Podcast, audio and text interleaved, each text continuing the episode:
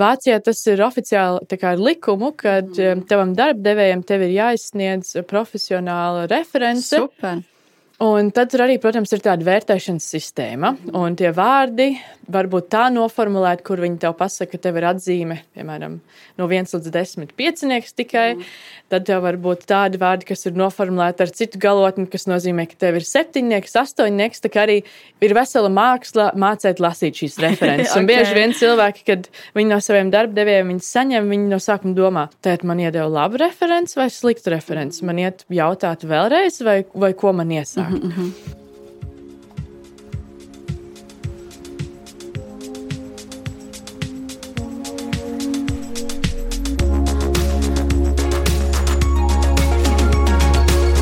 Čau! Es esmu Minēta Bērziņa, un tu klausies podkāstu pirms darba.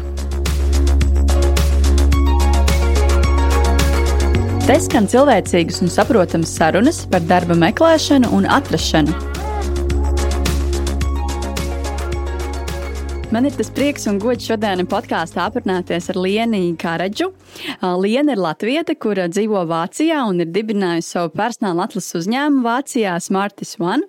Un ar Lienu iepazinos īstenībā LinkedInā pirms kādu laiciņu, laikam pandēmijas laikā, un ik pa laikam uzturam kontaktus. Un beidzot mums ir tā lieliskā iespēja aprunāties klātienē vēl pie tam. Un jā, šajā karstajā vasaras dienā. Tā kā sveika, Liena! Sveiki! Prieks beidzot būt šeit. Vai ne? Super, es arī esmu ļoti priecīga. Es pamanīju jaunumus LinkedInā, ka tev ir mainījies uzvārds. Iepriekš tu biji Ozola, vai es varu tevi apsveikt? Jā, man ir jauns uzvārds, tā kā man droši var apsveikt. Super, lieliski, lieliski jaunumi. Jā, tagad es Latvijā minēju, ka esi tik, tikko ieradusies. Cik varbūt bieži vispār sanāk tev būt Latvijā? Pēdējos gados jo biežāk, un pēdējos gados man arī kaut kā vairāk velk uz mājām. Man liekas, jo es palieku vecāk, jo vairāk man gribas būt mājās un šeit vairāk laika pavadīt, bet parasti tās ir vienmēr pēdējos gados bijušas kādas trīs reizes gadā, bet tad arī vienmēr pa kādām trīs nedēļām vai mēnesi. Tā kā man sanāk, ja godīgi pāris mēnešus gadā būt Latvijā. Nu, jā. izklausās diezgan, diezgan labi. Teiksim, jā. tā ir. ir Māma ļoti priecājās. es, es ticu, jā. Bet pati tu esi no Rīgas vai no cita reģiona? Nē, es esmu Liepājnieks. Nu, man tā jau likās. Man tā jau likās. Jā, jā, jā redzēju bildes, ka esi likusi Instagramā bildes no Liepājas. Cik vispār ilgi dzīvo Vācijā un vai es pareizi saprotu? Sapratu, skatoties to LinkedIn, ja es kļūdos, tad labo, vai tu devies mācīties uz turieni augstskolā? Nē, es nedavos ne? uz Vāciju mācīties augstskolā. Man pēc vidusskolas gadiem dzīve aiznes uz Skotiju, jo es ļoti vēlējos studēt angļu valodā. Mhm. -huh. Un tajā brīdī bija tā lieliskā iespēja, ka to varēja darīt Skotijā bez maksas. Man liekas, arī visā Lielbritānijā. Un tad man bija pāris klases biedri, kas turien devās. Un tad, jā, es pieteicos 12. klases pašā sākumā jau zināju, ka man uzņems. Tā kā man vajadzēja vienkārši pāris labas atzīmes jā. sagādāt viņiem pēc tam. Un jā, tā es pavadīju trīs gadus Skotijā studējot starptautiskās attiecības un Eiropas studijas, un pēc tam man dzīve aiznes tālāk uz Vāciju. Jo... Kā tu tur nokļuvi? Bija tā, ka man vienmēr ir dzīvē bijis plāns. Man bija plāns pēc vidusskolas, nāks augstskola, tas būs Skotijā, tas bija ļoti konkrēti, ļoti apzināti, un pēc tam, pēc augstskolas, man bija tāda sajūta, ka. Um, kas notiek tālāk. Man bija tāds kāds apjukums. Ja citiem tas ir pēc vidusskolas, ka viņi nezina, ko viņi studēs, Jā. man tas bija pēc augstskolas. Es stāvēju pie plašām atvērtām pasaules durvīm un nezināju, kur virzienā iet. Un, uh, lai gan Vācija tā nebija īsti manā radarā, tad bija mani draugi vairāk, ar kuriem es kopā tur studēju. Tā tas viss nonāca līdz Vācijai, līdz Frankfurtei. Un nu jau tie septembrī būs, uh, tie būs gadi septiņi vai astoņi gadi jau. Mm -hmm. Un tā nu es tur esmu iedzīvojusies, jā. Un arī no pirmās dienas, no pirmā darba strādāju tur personāla atlasē IT jomā. Tas kaut kā tā neapzināti pats viss ir arī aizgājis. Septiņi gadi nu jau. Jā. Un nu jau septiņi gadi. Un jā. cik gadi tev jau ir savs uzņēmums? Savs uzņēmums Smartest.one mums ir no pagājušā gada sākuma. Jā, bet ar to domu mēs spēlējāmies jau 2019. gadā, jo mans partneris un mans vīrs, ar ko mēs kopā firmā darbojamies, mēs strādājam divos iepriekšējos darba devējos kopā. Cik interesanti. Tātad gan, gan mājās kopā, gan darbā. Mēs esam visur kopā, Aha. tiešām 24, 7, bet tas kaut kas, kas mums arī ļoti patīk. Un iepriekš mēs tā arī nebijām, tā teikt, vienā departamentā. Mēs kā darījām tās pašas mm -hmm. lietas, bet katrs savā, savā istabas stūrītī, tā teikt, biroja. Un jā, pazinām biznesu no iekšpuses līdz pat ārpusē un sapratām, ka Ir lietas, kas mums patīk personāla atlasē, ir lietas, kuras mums vienkārši ļoti nepatīk. Kas nepatīk uzreiz, un, pavaicāt? Kas mums personīgi ļoti nepatīk, bija tas ļoti lielais pārdošanas aspekts. Tas, mm -hmm. ka tev mhm. vienmēr ir sēl, sēl, sēl, sēl. Jā, jā, jā. Un, uh, Es piekrītu, ka ir jābūt pārdošanai, bet tai pārdošanai ir jābūt tādā cilvēcīgā līmenī. Un tās firmas, kurās mēs strādājam, bija tādas klasiskās Lielbritānijas personāla atlases firmas, tā teikt, no dzimtenes nākušās. Jā, mēs sapratām, ka tas cilvēcīgais ir daudz, daudz svarīgāks nekā tas, ka es šomēnes man tieši šodien vajag noslēgt manu dīlu, jo tāpēc lai tā teikt, apmierinātu mana priekšnieka vajadzības, jo viņam ir tāda skaļa galvā, viņam tur tas vēl savam priekšniekam jādod tālāk. Un, um, jā, tas cilvēcīgais faktors bija vienkārši tas, kurš mums bija. Tas, kur mēs redzējām, ka tā nav. Un, uh, jā, tad smartistu mēs būvējām tieši uz tā visa bāzes. Un, jā, tā mūsu devīze ir atrast ilgspējīgi kandidātam vietu darbā, kur viņš var justies laimīgs, lai arī cik klišejs tas neizklausītos. Liena, pastāst varbūt nedaudz vairāk par savu uzņēmumu. Kas ir tavi klienti, kādus cilvēkus tu atlasi? Jā, tā kā Smartest One ir personāla atlases firma, kas nodarbojas ar IT speciālistu meklēšanu un iekārtošanu darbā Vācijā. Tā kā mūsu klienti ir dažna dažādas firmas, kas ir no Vācijas vai kurām ir filiāls Vācijā un kuras meklē darbiniekus IT jomā. Un mēs ar viņiem palīdzam viņus atrast. Tā, tas ir tas viens, ko mēs darām, un tas mūsu, tā teikt, moto, ar kur mēs uh, ejam pa dzīvi šajā sakarā, ir, delivering long-term happiness at work, jo tas ir tas, ko mēs divi tā iepriekš strādājot firmās nevarējām atrast, Jā. bet uh, mēs esam pilnīgi pārliecināti, ka ir iespēja to atrast, un uh, tāpēc arī tās firmas, ar kurām mēs sadarbojamies, un kandidāti, mēs tā kā ne visiem sakam jā, un tiešām izvēlamies, lai saprastu, jā, tas būs tā ideoloģija, kurai mēs tā kā stāvam aizmugurē vai nebūs, un tas pats arī ar kandidātiem. Tā kā personāla atlases un uh, IT speciālistu darbā iekārtošana, tā ir viena no lietām, ko mēs darām.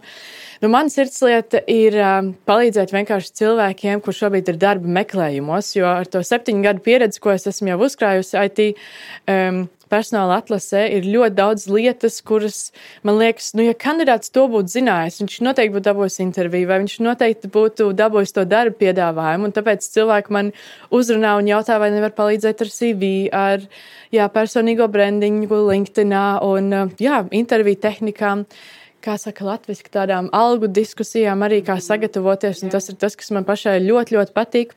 Un uh, tad tā trešā lieta, kur mēs vēl tā kā mēģinām būvēt, kas ir mūsu nākotnes, tā teikt, mūzika un plāns, ir, ka mēs kompānijās ejam iekšā un piedāvājam savu, savu pieredzi konsultāciju veidā. Ja, piemēram, viņi nezina, kā uzrunāt kandidātus, kur viņus meklēt, kā viņus atrast, kā rakstīt darbu sludinājumus. Jā, jā, jā, tā kā nodrošināt šo employer branding pusi no mūsu perspektīvas, kā mēs pazīstam kandidātus, kā, kā viņiem vajadzētu sev pozicionēt, kā uzrunāt, um, tā kā ar to dalīties. Un tas ir tas, ko mēs vēlamies, bet kur mums vēl šobrīd tā teikt nav bijis laika un kapacitāte to darīt, lai gan mēs redzam, ka no firmām tā interese tiešām ir ļoti, ļoti liela. Un, jā, tās ir tās trīs lietas, teikt, ar ko mēs ikdienā nodarbojamies. Es kaut kur LinkedInā redzēju, ka tu specializējies uz milēniju paudzi, uz, uz jauniem cilvēkiem. Tā ir vai tā nav? Tā nav. Es teikšu, tā, tas bija tā varbūt agrāk, jo man no paša sākuma bija tāda fāze, kuras domāju, uz ko es mēs fokusēsimies. Un tad, mm es ar savu koču runāju, un mans kočs teica, Liene, tu taču esi mileniāls. Mileniāli tā ir bezmaz vai citiem tāda svarīgā tēma un grūti atrast un Jā. grūti noturēt. Un tad es domāju, hmm, tas var būt kaut kas mans. Bet kaut kā tagad tu saki, tas ir tā pielips un palicis. Mm -hmm. Un es mhm. arī no sākuma dzirdēju kandidātus, kuri jautāja, hei, es vairs neesmu mileniāls, mēs varam tāpat sadarboties. Tad es vienkārši to kaut kā tā noliku malā, jo man likās, ka es negribu, lai tas ir kā, kā kaut kāds jautājums. Mm -hmm. Tad jā, saprotu, ka tev ir komanda kopā ar vīru strādā, bet kas ir viņš uzņēmumā? Es saprotu, ka tu esi personāla atlases speciālists, visticamāk. Nu, gan jau, ka tu visu dari, ne tikai to, bet saprotu, ka tas ir viens no galvenajiem, bet ko, ko viņš dara, ko tu pastāsti mm -hmm. varbūt īsumā? Kā tas ir sadalīts? Tā sākotnējā doma bija tāda, ka viņš ir atbildīgs par pārdošanu, teiksim, tā sales no klienta puses. Viņš ir tas, kurš uzrunā firmas, un es esmu tā, kas tad uzrunā kandidāts, jo man vienmēr kandidāta puses likusies daudz interesantāk interesantāk, un es kaut kā daudz labāk varēju ar viņiem atrast kontaktu un noturēt. Bet, teikšu tā, doma ir viena, kāda tev ir biznesa sākumā, bet pēc tam, kā tas viss tālāk attīstās, tas ir nedaudz savādāk. Un tagad ir tā, ka arī viņš ir iesaistīts visā kandidātu meklēšanā, lai gan viņš no sākuma to ļoti negribēja. Un es pat esmu vairāk tajā pārdošanā, jo klienti uzrunā mani caur sociālajiem mēdījiem. Jā, redz, cik interesanti. Tā kā jā, mēs beig beigās visu darām kopā, bet, piemēram, no tādas organizatoriskās puses viņš, protams, ir mūsu finanšu galva un matemātiķis, mm -hmm. kas mhm. sēž pie Excel padarīšanām, un es esmu vairāk tas cilvēks, kas to visu uz āru nes. Un bieži vien man cilvēki jautā, jā, bet Lien, tu esi vienmēr, tu tik daudz dari, kā to visu paspēji. Tad es saku, nē, man ir vēl kāds, ko tā kā Jūs vēl neesat nekad redzējuši, bet es to daru ar vēl kādu kopā. jā, jā. Tā, kā, tā tas mums nu, ir. Jā, man liekas, ka tu esi viena, bet gatavoties mūsu intervijai, es pastījos, jā, cik, cik ir darbinieki tavā uzņēmumā. Redzēju, ka tas visticamāk ir tavs vīrs, spriežot jā. pēc profila, un, un sapratu, ka jūs esat divi. Jā. Tā ir taisnība. Bet jā, mēs plānojam arī augt, bet mēs vēl skatāmies, teikt, kurā virzienā un kā to vislabāk darīt. Jo mēs arī strādājam no mājām. Mēs to darām tajā vietā, kur mēs esam šobrīd no Rīgas, citā brīdī no kaut kurienes citurienes. Um, jā, mēs vēlamies vēl kādu piesaistīt, bet vēl nevaram izdomāt, kurā virzienā mēs gribam, lai mums tā teikt, darbu paņem nost. Bet vai jūs uh, meklējat šos kandidātus tikai Vācijas tirgumu vai visai pasaulē? Tas ir ļoti labs jautājums, jo tas tirgus no sākuma bija domāts, ka tā ir tikai Vācija. Tā kā klienti noteikti ir Vācijas klienti, daži dažādas firmas, kas Vācijā darbojas. Bet, ja godīgi kandidāti, kas arī mums piesakās uz vakancēm un kurus mēs līdz šim esam iekārtojuši darbā, ir no Brazīlijas, ir no Portugāles, ir arī no Latvijas vairāk cilvēki. Tā kā diezgan dažādi. Tas ir vienmēr arī atkarīgs no pozīcijas un vai tiem kritērijiem tie kandidāti atbilst, bet tādā ziņā mēs esam ļoti atvērti un arī palīdzam ar to administratīvo pusi, ja kāds um, no ārpus Vācijas vēlas Vācijā strādāt. Jā, kā, tā kā, bet kā tev ar to administratīvo pusi? Man godīgi nevisai patīk visas tās relokācijas un ņemties ar to visu, kā tev pašai ir. Man tas ļoti patīk, jo Varbūt es to redzu no tādas puses, ka es kādreiz biju tā, kur no sākuma atbraucu un neko nezināju, un meklēju palīdzību. Jā. Un man ir tas instinkts vienmēr iekšā palīdzēt cilvēkiem. Tagad citreiz man tas nospēlēja pa labi, citreiz varbūt netik ļoti pa labi, bet kandidāta ziņā tādā ziņā man ļoti, ļoti patīk palīdzēt. Un, labi, ir kaut kādas lietas, tādas. Um, birokrātiskās, kur tiešām ir jāiet cauri kaut kādām instancēm, un tas viss vāciski jālasa un jāsaprot, tad, protams, es aicinu palīgā savu vīru vai mm. tad um, vēl kādus savus draugus, kur likuma jomās kaut ko vairāk saprot, bet es mēģinu tam visam burties cauri, jo es arī redzu no kandidāta puses, ka viņi saka, Liena, mums vajag kādu, kas, kas to dara, jo tas ir vienmēr tas, ar ko HR cilvēkiem, piemēram, nepatīk darboties, jā, un viņiem nav jā, laika. Jā.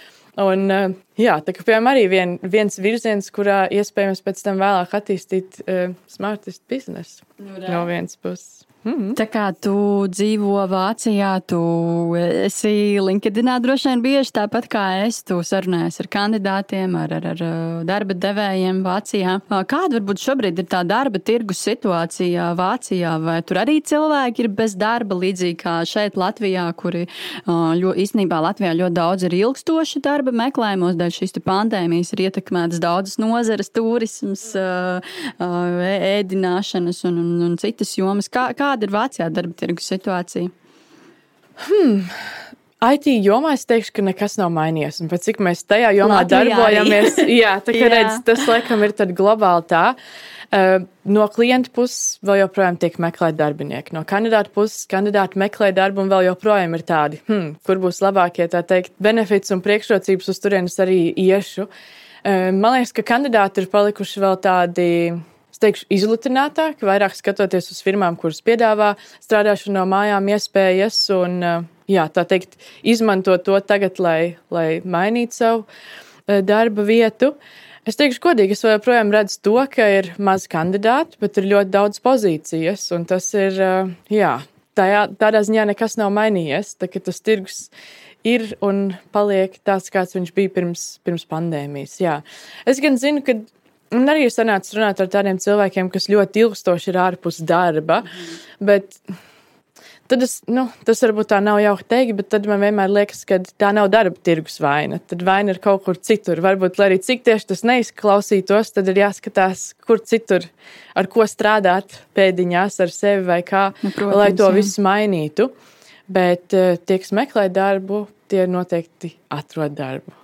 tie, kuri grib atrast un, un, un izmanto Jā. visas iespējas. Jā, absolūti. Jo šobrīd iespēju ir, ir milzu daudz. Daudz Latvijā daudz. domā, ka darba meklēšana ir iet tikai CVLV un tur meklē darbu un nav LinkedIn un neizmanto visas pārējās iespējas. Nē, nē, tas viss, manuprāt, tas ir kā agrāk tika meklēts darbs, kur tu tiešām ieej tādos sludinājumos un skaties, kas ir. Man liekas, tas būtu pēdējais, ko šodien vispār vajadzētu darīt. Ka vajadzētu sākt ar savu draugu loku, ar savu ģimenes loku skatīties, jo tas jau arī nav noslēpums, ko noteikti apstiprinās, ka vairāk cilvēki tiek pieņemti darbā caur ieteikumiem. Jā. Un tie ir arī jā, cilvēki, kas darba vietās noturās visilgāk. Tā, tādā ziņā noteikti uzrunāt savus kontaktus, būt aktīviem, um, uztaisīt savu prezenci sociālajos mēdījos un, uh, jā, tā teikt, piekopt savu sociālo mēdīju higiēnu, ja tā varētu teikt, jo tas ir noteikti kaut kas, kas atmaksājās.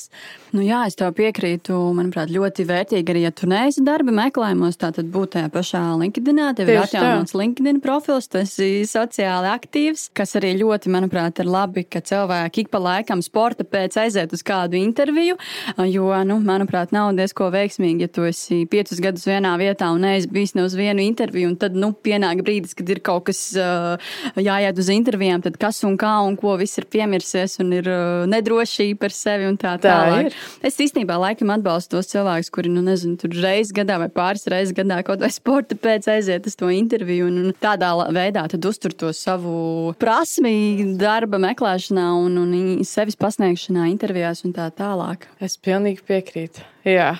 Tik tiešām. Tu vēl pieminēji nesen šo um, strādāšanu no mājām, un tas, ka darba meklētāji paliek ar vien izlutinātāki, jo pandēmija ir devusi ne tikai mīnusus, bet arī plusus. Tad viens no plusiem ir tādiem, ka darba devēja piedāvā strādāšanu no mājām. Daudz uzņēmumu iespēja, piedāvā iespēju strādāt no jebkuras vietas, attiecīgi. Tu minēji, ka tu esi pamanījis, ka uh, kandidāti kļuvuši pra prasīgāki un, uh, un to pieprasa kā norma jau, vai ne? Noteikti, jā, jo iepriekš bija tādas pozīcijas, kur tev tiešām bija jābūt on-site, kas tagad ir pārgājušas vairāk uz strādāšanu no mājām. Un tās, kuras nav pārgājušas, un tie cilvēki, kas strādā on-site, tad viņi meklē vairāk tādas iespējas, kur viņi varētu strādāt. Eh, jā, no mājām. Tā, tas ir kļuvis par tādu ļoti augstu kritēriju, ko cilvēki ņem vērā, izvēloties savu jauno darbu. Jā. Nu, jā, un man liekas, arī tāds pluss šajā pandēmijā darba meklētājiem un vispār cilvēkiem, kuriem ir darba tirgu, ir tāds baigais pluss, ka tev ir milzīgi daudz iespējas iejūt tajā pašā LinkedIn darba, darba, darba sludinājuma sadaļā. Es varu redzēt, ka ir milzīgi daudz piedāvājumu, kur meklē jebkurā, nezinu, valstī darbu attālināt. Tas nozīmē to, ka es varu atrast darbu, kur vien es vēlos. Jā, mums vairs nav tās robežas, kas mums bija pirms varbūt pandēmijas. Un Jā, man liekas, tas ir tas, uz ko mums arī jāliek uzsver, varbūt kā personāla cilvēkiem par to runāt un stāstīt, jo jā, tā ir rītdienas strādāšana, un tas tā tikai būs vēl vairāk. Protams, ir jāņem vērā visādas likuma lietas, kas un kā, bet jā, tas ir normāli un tas kļūs par, par nākošo normu, tāpēc arī mācīties valodas, kļūt vairāk intelektuāliem, tā teikt, visādos rīkos, kas tiek mūsdienās izmantot. Man liekas, šodien tā teikt, tavs darbs ir viena klikšķa attālumā, un tev pat nav jānovāk treniņu bikses, lai, lai dabūtu šo darbu. Jo tu vari sēdēt intervijā, uzvelkot kreklu augšā un apakšā tev var būt. Jā, tās pašas treniņu bikses. Tā, man liekas, darba meklētājiem šis ir tāds vēl, kā saka, tāds. Uh, more cozy time. Jā, tā teikt, jā. super ērts laiks. Jā. Un tad, ja tu kaut ko nevari atrast, vai tu nevari tā teikt, sev parādīt, nu tad, tad kaut kas nav. Teikt, jo visas iespējas ir vienkārši noliktas tev uz galda, tev priekšā. Bet tev ir līdzīga situācija. Tu teici, ka tu strādā no mājām, ka tu vari savu darbu organizēt no Vācijas, Latvijas, Turcijas, un tad pāris mēnešus būt uh, attiecīgi citā valstī un izbaudīt gan kaut kādu savu veidu atpūtu, varbūt citā valstī, pie reizes vadīt interviju. Bet ko tu par to domā, ka tagad ar vien vairāk vairāk sajaucas darbs un mājas, un vairāk nav šo robežu, vai nav tā, ka var viegli izdegt? Es pieņemu, ka var viegli izdegt. Man liekas, katram ir jāsaprot, kas ir tās robežas, kas ir man, cik daudz es vēlos ieguldīt um, savā profesionālajā dzīvē un attīstībā, un cik daudz ģimenē.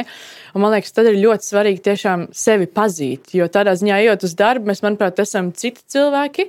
Ja mēs fiziski kaut kur aizējām un atnākot mājās, mēs esam citi. Bet tagad tu esi fiziski vienā vietā, un tev ir jāsaprot, es tagad varu makarons, teiksim tā, un esmu savā pusdienu pār, pārtraukumā, vai es tagad vēl atbildu uz ēpastiem. Un, man liekas, tur ir ļoti svarīgi, kas man arī no sākuma bija diezgan, diezgan grūti saprast, uh, ok, tad un tad es tiešām strādāju, tad un tad es atpūšos, tad es slēdzos ārā, tad ir vēl kaut kāds brīdis tam visam pa vidu. Un no sākuma tu no tās atbildības esi mazliet tāds tā arī apjucis. Un tad es arī lasīju dažādu informāciju, grāmatas, jautāju mm -hmm. saviem draugiem, kā viņi to Jā. dara. Jā, es esmu sapratusi un arī pieradusi pie tā, ka man vairs nav tā strādāšana tāda tipiskā no pirmdienas līdz piekdienai, bet cik mēs arī praši priekš sevis strādājam, kad tas darbs ir vienmēr ar tevi, lai arī tu kur būtu, pludmalē, zem saules sarga vai, vai tepat tavā dzīvoklītī kaut kur pagrabā. Tikai jā, mēs esam uzlikuši stingras robežas arī sev vēl kā pārim, jo mēs to darām divatā. Kad mēs esam darbā, kad mēs esam mājās, kad mēs runājam par darbu, kad nē. Un, uh, Tas ļoti labi funkcionē. No sākuma tas bija lielais apjukums, bet tur uztaisot tādus noteikumus un arī iestrādājoties un saprotot vairāk vienam otru, tas viss labi var notikt. Un man liekas, ka arī cilvēkiem ir jāsaprot, ka darba devēja to arī saprot, jo citi bieži vien jūtas slikti. Jā, es tā taisīšu pusdienas, tas tā nevar. Nē, tev ir jātaisa pusdienas. Tev pienāks viena stunda pusdienas pārtraukums, un tā teikt, tu sev esi tāpatās pirmajā vietā. Tā kā domā par sevi un vispārējais nāks uh, pēc tam. Jo šī tādā ziņā ir mums visiem krīzes situācija, ne tikai darbdevējiem, kuriem pēkšņi jāizdomā, jā. ko un kā darīt. Man ļoti patīk, jā, ka tu stāsti par šo robežu novilkšanu. Nesen klausījos arī vienu tādu le lekciju par, par darba vidi un par to, kā mājās iekārtot savu biroju. Un viens no tādiem padomiem bija tur, kur tev ir šis darba galds, krēsls, attiecīgi tava darba vide mājās. Mēģināt viņu kaut kā nodalīt, nu, kaut piemēram, kaut kādu paklāju nolikt apakšā, un tad tu tā kā burtiski iezīmē, ka rekur tā, tā ir ir teritorija, kur mana darba vide, un tad, piemēram, rekur tālāk, tur virtuves zona, dīvains vai galds, tas ir mājas, tā ir mana atpūta. Nu, tā kā fiziski nodalīt šīs robežas. Jā. Nu, es teikšu, man ar to ir nevis grūtāk, bet Es šobrīd dzīvoju diezgan mazā dzīvoklī. Man ir virtuve kopā ar viesistabu, un tā tiek atdalīta rādam galdu. Un tas ir šobrīd, teikt, mana, mana darba vieta.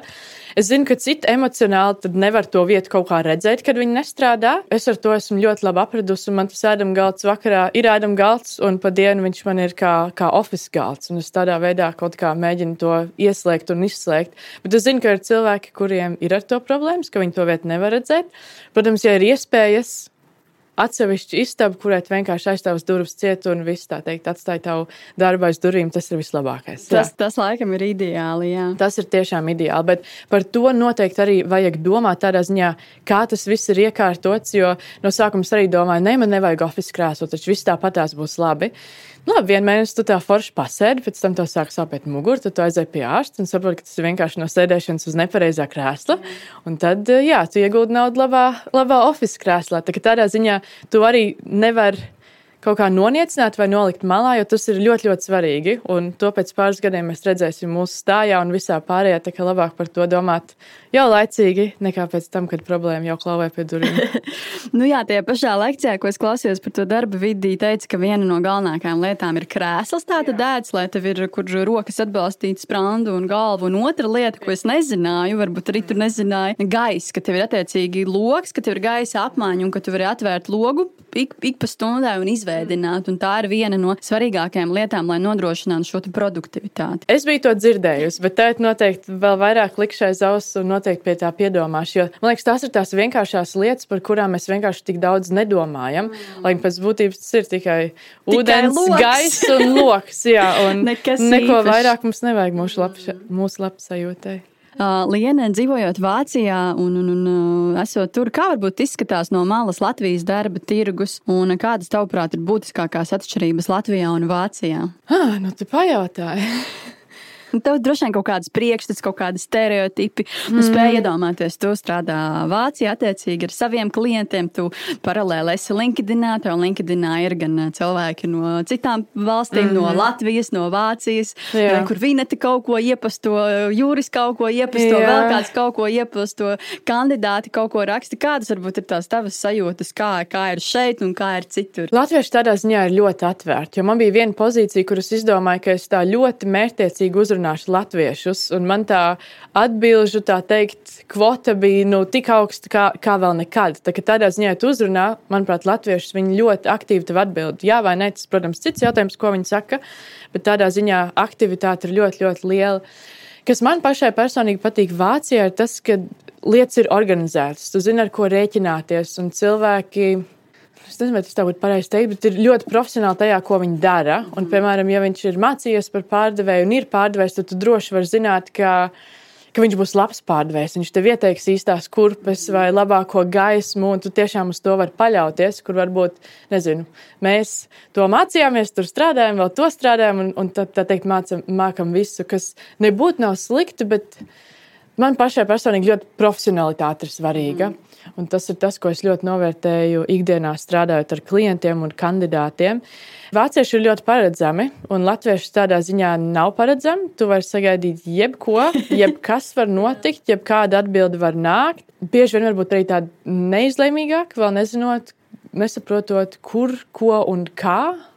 Varbūt tā vien uz soli uz priekšu kaut ko pasakot, un tad saprot, oh, Ne? Bet runājot piemēram par latviešu HR scēnu, kāds man ir priekšstats, ka cilvēki ir meitenes, vīrieši ir ļoti izglītoti un ļoti iekšā tajā jomā, un ir profesionāli un strādā un mācās. Un tas kaut kas, ko es tā ļoti apbrīnoju, kas man arī ļoti, ļoti iedvesmo.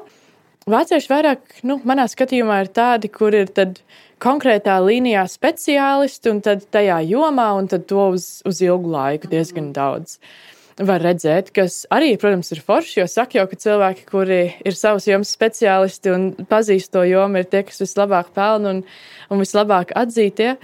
Bet, um, kā lai pasakā, ir grūti pateikt, jo pēc būtības man ir vairāk kontakts teikt, ar Vāciju un Latviju. Ir tikai tas, ko es vairāk tā LinkedInā, ko man algoritms parāda. Jā, teikt, jā, jā. Tur rodas man, man tas iespējas, bet sociālo mēdīju ziņā latvieši ir ļoti, ļoti aktīvi. LinkedIn, Facebook, tā aktivitāte, ko es redzu, ir vienkārši. Es Vācijā tādu neredzu. Interesanti. Tur ir vairāk tāds, labi, es paskatīšos, pavērošu, varbūt kaut ko pateikšu, bet varbūt, nu, ja man Jā. tiešām būs ko teikt. Bet Latvijas šauju, un tikai tad varbūt padomā un saprot, ok, jau izlēju ūdeni. Uh, Bet uh, saki, lūdzu, tavuprāt, uh, Latvijā darba tirgu varbūt ir kaut kas tāds, kas nav kārtībā vai nav kaut kas sakārtot salīdzinot ar Vāciju. Es nezinu, kā ir Vācijā, bet Latvijā darba sludinājumos ir jānorāda šie atalgojumi. Nezinu, vai tas ir Vācijā. Nu, manuprāt, tas tāds pluss, kas mums Latvijā ir parādījies. Bet varbūt kaut kas Vācijā ir sakārtotāks nekā šeit. Varbūt atsauksmes, varbūt kaut kas Jā. cits. Nu, algu ziņā ir tā, ka par to šobrīd notiek ļoti liela diskusija, vai to darīt vai nē, un plusi un mīnusi. Tad, tu saki, tas ir tev, prāt, liels pluss. Vācijā ļoti daudz saka, ka tas ir ļoti liels mīnus, un vēl jau vairāk iedod tādu tā kā pušu tam, ka cilvēki tiek diskriminēti, un kā tas būs, ka tad es uzzināšu, cik mans kolēģis nopelna, jo par, par naudu nerunā, tā teikt. Ja tu neesi pārdošanā, par naudu nerunā citās jomās, un tā ir tāda liela atšķirība. Um, es zinu, ka Latvijā, ja tu beidz strādāt vienā darba vietā, ka tev tā darba vieta viņiem nav jāizsniedz nekāda referents par tevi, ja nu vienīgi varbūt tu pajautā, un tas tev ir nepieciešams. Vācijā tas ir oficiāli kā, ar likumu, ka mm. tavam darbdevējam tev ir jāizsniedz profesionāla reference. Super. Un tad tur arī, protams, ir tāda vērtēšanas sistēma. Un tie vārdi var būt tā noformulēti, kur viņi tev pasaka, ka tev ir atzīme, piemēram, no 1 līdz 10 piecinieks tikai. Mm. Tad tev var būt tādi vārdi, kas ir noformulēti ar citu galotni, kas nozīmē, ka tev ir septiņnieks, astoņnieks. Tā kā arī ir vesela māksla mācīt lasīt šīs references. okay. Un bieži vien cilvēki, kad viņi no saviem darbdevējiem saņem, viņi no sākuma domā, tēt man iedeva labu referenci vai sliktu referenci. Man iet jautāt vēlreiz, vai, vai ko man iesākt. Mm -hmm. Un tad arī tas ir interesanti, jo man arī iepriekš bija tāda jāraksta vienā no manām iepriekšējām darba vietām, un tad, tad kā jautā menedžerim, kādu atzīmi tad likt, un tad balstoties uz to tiek, tiek tas viss uzrakstīts. Manuprāt, tas ir ļoti, ļoti labi. Um, tas palīdz tev, kā rekrūteram, personāla uh, procesā, saprast, ir labs vai nav labs kandidāts. Es to tā teikt ļoti neņemu vērā, bet man tas kā kārtības process liekas tāds loģisks. Un tas tad uzreiz pasaka tavai firmai, šis bija labs darbinieks vai nebija. Protams, bieži vien tiek iejauktas emocijas iekšā, un, nezinu, tev iedod sliktu referenci, bet pēc būtības darbdevējs to nedrīkst darīt. Mm -hmm. Un, ja viņš to izdara, tad, jā, tur ir lietas, kad iet uz tiesu un nu visu jā. kaut ko, bet pēc būtības firmām vienmēr ir tā, ka viņi saka, šī zemāk par šo atzīmi mēs tev neliksim, un tad vienmēr kandidāts to izskaidro interviju procesā, ja viņam ir zemāka atzīme. Um, Kas vēl var būt tādas lielākās atšķirības? Nu, jā, tu saki, ka Latvijā viss skatās CV online, laikam. Jā, jā. Labi, LinkedIn tagad visā nāk arī iekšā. Vācijā tādu portālu ir ļoti, ļoti daudz, un ir arī tādi konkrētu jomu portāli. Ja tu, piemēram, esi dizainers, tad tev būs viens portāls, jā. kur te un skaties, ja tu esi, nezinu, frizieris, kāds cits. Man liekas, tā specializācija tādā ziņā arī ļoti, ļoti svarīga. Jo, Jo ne visi jomas pārstāvji ir LinkedIn, un ne visiem tas ir svarīgi, vai ne visi skatās CV online. Tādā ziņā vienmēr skatīties no darba devēja acis, kur tad ir tie mani kandidāti un kurus viņus vēlos uzrunāt. Tas man tādā ziņā liekas Ļoti, ļoti Jā, iz, izklausās ļoti forši. Latvijā ir tā, ka darba devēji savā ziņā ir izlutināti. Ja runājam par šo personāla atlasi, protams, mums ir ļoti daudz uzņēmumi, kur piedāvā šo personāla atlasi ārpakalpojumu. Ir arī, protams, tādi, kuri orientējas uz IT līdzīgi kā tu. Ir gan starptautiski uzņēmumi, gan vietējie. Un izlutināti varbūt tādā veidā, ka šīs maksas par vienu kandidātu iekārtošanu bieži vien nu, sūdzās darba devējs, nu kā var būt tik liela maksa, bet īstenībā šie cipari cipari ir smieklīgi, ņemot vērā to, ka tas ir tiešām nenormāls darbs atrast cilvēku. Es piekrītu. Un bieži vien esmu dzirdējis no darba devējiem, ka viņi negrib maksāt šo pirmo iemaksu. Tas nozīmē to, ka tu bez mazai bez maksas meklē šo darbinieku un nav nekāda garantija, ka uzņēmums vispār paņems šo cilvēku, ko tu esi atradis. Kā, nu, tas ir bez mazai darbs pavēlti. Kā varbūt ir Vācijā, cik ir vidēji varbūt uh, izmaksas par viena cilvēka meklēšanu, tātad atrašanu? Jā, cik es esmu dzirdējis no kolēģiem Latvijā, tad tās, kā saka, komisijas, ko firmas Laikam komisijas, jā, jā, jā. maksā um, personāla atlases speciālistiem, ir mazliet savādāks. Jo Vācijā vienmēr ir tā, ka Mēs, kā pakalpojums sniedzēji, mums ir līgums ar firmu, kurā mēs atrunājam, cik tie būs procenti. Mm -hmm. Procenti no gada algas. Procenti no gada algas, mm -hmm. tieši tā. Un tad, jā, personāla atrases strādā ļoti dažādi. Ir tā, ka viņi, tā teikt, daļu no šiem procentiem iekasē jau pašā sākumā, sākot meklēšanu, daļu, kad sāks interviju process, un tad trešo daļu, kad, kad kandidāts ir iekārtots darbā. Mūsu iepriekšējā pieredze mums rādīja, ka šis veiksmes faktors, ko tu teici, vai citreiz neveiksmes faktors, ka tu meklē un to kandidātu beigās neizvēlas, tomēr priekš mums kā firmas ir bijis visveiksmīgākais. Jo arī bieži vien firmas, tā kā tu teici, saka, jā, bet tu vēl neesi neko izdarījis, un man tev jau ir kaut kas jā. jāsamaksā. Man liekas, šeit arī no mums no personāla atlases viedokļa vajadzētu vairāk tā teikt, firmām paskaidrot, ko mēs darām, jo bieži vien tā teikt, Viņi saka, jā, tie rekrūteri tāpat neko nesaprot, un kurš jau CVS jau to saņēma no kuriem, un pat citu algu, nu, ko viņi te vispār iedomājas. Mm.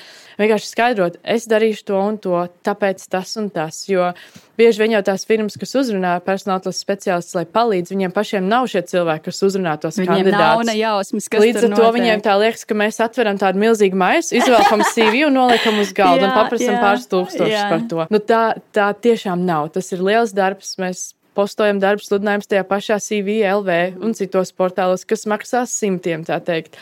Un tādā ziņā mēs tādā undercover strādājam, un jā, tad beigās ir tas, kas. Jā, cik tas, es esmu dzirdējusi, varbūt tās nav vietējās kompānijas, bet tās ir tādas ārzemju, ir kaut kādi 13, 14% no gada algas, ko Latvijā ir jāmaksā. Kā ir Vācijā? Tas ir līdzīgs cipars vai tas ir krietni augstāks? Tas ir krietni augstāks. Tā teikt, šādas ciparus maksā kā to saka latviešu, firmas, kas iznomā darbiniekus. Tā kā darbinieku noma. Darbinieku jā, noma, jā. jā. Tad tur tas procentu likuma būs zemāks. Nu, šis procents, ko es nosaucu, tas varētu būt piemēram IT darbiniekiem. Cik, cik mm, ir Vācijā, mm -hmm. piemēram?